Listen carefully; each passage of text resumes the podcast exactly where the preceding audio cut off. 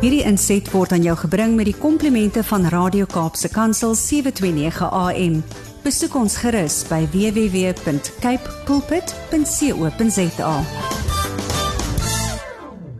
Goeiedag, is lekker om met u te gesels oor die leefwêreld van ons mense met gestremdhede.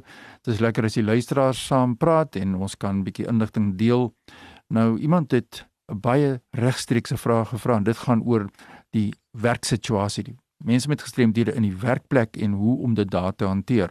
Iemand skryf werk is skaars, maar ons het ook die reg tot 'n gelyke geleentheid om 'n diensneming. Nou dit is baie interessant. Ek stem 100% saam daarmee en daarom gaan ons hierdie volgende twee programme 'n bietjie fokus en kyk wat kan ons luisteraars bietjie beter inlig oor die kwessie van mense met 'n gestremdheid binne in die werkplek. Nou ek het op 'n baie interessante dokument afgekom van die Nasionale Raad van en vir persone met gestremthede. En dit is natuurlik in Engels maar ek gaan hierom werk soos wat ek baie keer doen omdat die dokumente nie altyd beskikbaar in die vakterme is in Engels so daarom gaan ons dit perspektief gee maar ek gaan hierdie dokument rustig met u werk die volgende twee programme dat ons bietjie kyk. Wat kan ons doen om werkgewers en ook om mense met gestremthede te bemoedig rondom die inskakel van persone met gestremthede binne in die breë gemeenskap, maar in hierdie geval die oop arbeidsmark. Nou die dokumente wat beskikbaar is wat ek hier het is drie dokumente. Dis die kode van goeie praktyk, dis die wet op gelyke indiensneming en dan is dit na die tegniese is ondersteuningsriglyne vir die indiensneming van persone met gestremthede. Maar ons kan na elkeen verwys soos ons in die programme aangaan. Die eerste saak is natuurlik die tegniese ondersteuningsriglyne op die indiensneming van persone met gestremdhede. Hulle noem ook in Engels noem hulle hom die tag, T A G, die tag. Nou sê hulle hier die tag en ek gaan aanhaal wat hier staan in die dokument should be seen as part of a broader equality agenda for persons with disabilities to have their rights recognized in the labor market where they experience high levels of unemployment and often remain in low status jobs or earn lower than average remuneration. Nou dit is drie baie belangrike sake wat hier na vore kom. Die eerste een is mense met gestremdhede is werkloos. Die tweede saak, die mense kry minder geld en hulle kry ook werk ook in minder gunstige omstandighede baie keer as nie gestremdes. Dit is die harde werklikheid volgens die Nasionale Raad van en vir persone met gestremdhede in Suid-Afrika en daarom kan ons dan sê hierdie vraag van die luisteraar sluit baie nou aan by die dokument waarop ek nou 'n bietjie inligting met jou gaan deel en deurgee. Nou hulle sê this is particularly important since disability is a natural part of the human experience and in no way is kan ons sê hier in no way may people discriminate against persons with disabilities on the grounds of disability. Nou ja, wat sê ons hier? Na soveel jaar van demokrasie in ons land het ons steeds die situasie dat mense met gestremthede nie as deel van die breë gemeenskap gesien word nie. Gestremdheid is neutraal. Dit is nie negatief of dis positief nie.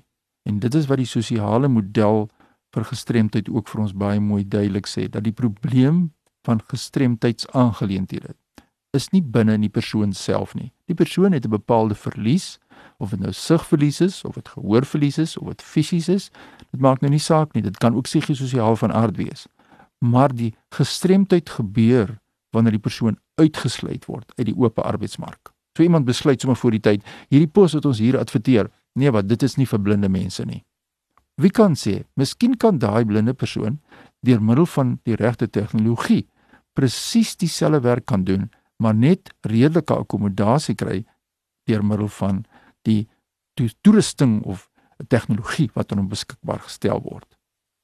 Jy weet nou net by ons aangesluit het ek gesels oor die werkplek, die toegang tot werkplek en 'n brief van 'n luisteraar wat vra hoekom sukkel ons nog so om mense met gestremthede geplaas te kry in die oop arbeidsmark. Nou hanteer ek die eerste dokument. Ek het gesê daar's 3 dokumente. Dis die tegniese ondersteuningsriglyne op die indiensneming van persone met gestremthede. Dis die goeie kode van goeie praktyk wat ons vertel hoe om die wet op gelyke indiensneming te implementeer. So dis die drie dokumente wat ons na kyk. Maar eerstens kyk ons hierdie week na die tegniese ondersteuningsriglyn. Nou die skrywe wat ek het van die Nasionale Raad van en vir persone met gestremthede sê the purpose of the technical assistance guideline on the employment of persons with disabilities is to assist employers. En dis die eerste ding. Tweede is employees, werknemers. En dan trade unions sê hulle hier en dan organizations with expertise on disability enige organisasie dis nie NGOs en die NPOs en dis die mense wat moet verstaan hoe werk die wet op gelyke indiensneming die Employment Equity Act en dit is nommer 1998 is hierdie dokument dan ter tafel gelê en as wet geregistreer in Suid-Afrika. So ons kom 'n lang pad eintlik al met die wet op gelyke indiensneming, maar die mense verstaan nie altyd in praktyk watter gedeelte in die wet op gelyke diensneming is dan van toepassing regstreeks op die persoon met 'n gestremdheid nie. Nou hierdie dokumente, soos ek nou genoem het, die 3 moet gebruik word om die mense te rig en hulle te ondersteun en die rolspelers te laat verstaan waaroor gaan die implementering van die wetgewing want natuurlik is dit net so belangrik vir ons mense met gestremthede self om deel te vorm van hierdie uitdagings rondom die wet op gelyke indiensneming. So die dokument sê die tag die die technical assistance guideline is targeted at employers and employees, trade unions and persons with disabilities, including job applicants, so that they can understand their rights and responsibilities under the act and the code and the guidelines. So dit is baie belangrik dat ons kennis neem van hierdie baie belangrike saak. A number of persons sê hulle hier who have a sensory impairment vir byvoorbeeld hearing, gehoorverlies, a sensory impairment. They communicate effectively through sign language. However, many who experience sensory impairments hearing do not make use of a sign language but use spoken communication and support lip speakers and note takers and assisted devices. Wat hulle hier vir ons sê en daarmee sluit ek vandag se gesprek af dat hulle sê ons moenie hierdie Engels gebruik die one size fit all tipe van benadering hê nie. As jy een persoon gesien het met 'n fisiese gestremdheid, dan jy slegs een persoon gesien. Die persoon kan 'n parapleeg wees, 'n kwadropleeg, hemipleeg. Dit is diversiteit in daardie veld. As jy een persoon sien wat sig verlies het, die persoon kan blind gebore wees, die persoon kan blind later in sy lewe geword het, as jy een persoon gesien het met outisme dan jy een persoon gesien. Daar's 'n spektrum ter sprake. As jy een persoon met gehoorverlies gesien het dan jy een persoon gesien. Daar's 'n spektrum. Mense wat doof gebore is, mense wat doof geword het later in hulle lewe, mense wat verlies het in verskillende vlakke van gehoor. So, dit is dan veral vandag ons gaan volgende week gaan ons verder gesels oor die uitdagings wat ons het en hoe ons hierdie uitdagings kan oorkom om mense met gestremdhede 'n beter plek in die breë gemeenskap te gee. My e-pos is fani.dt@mweb.co.za. Groete tot 'n volgende keer.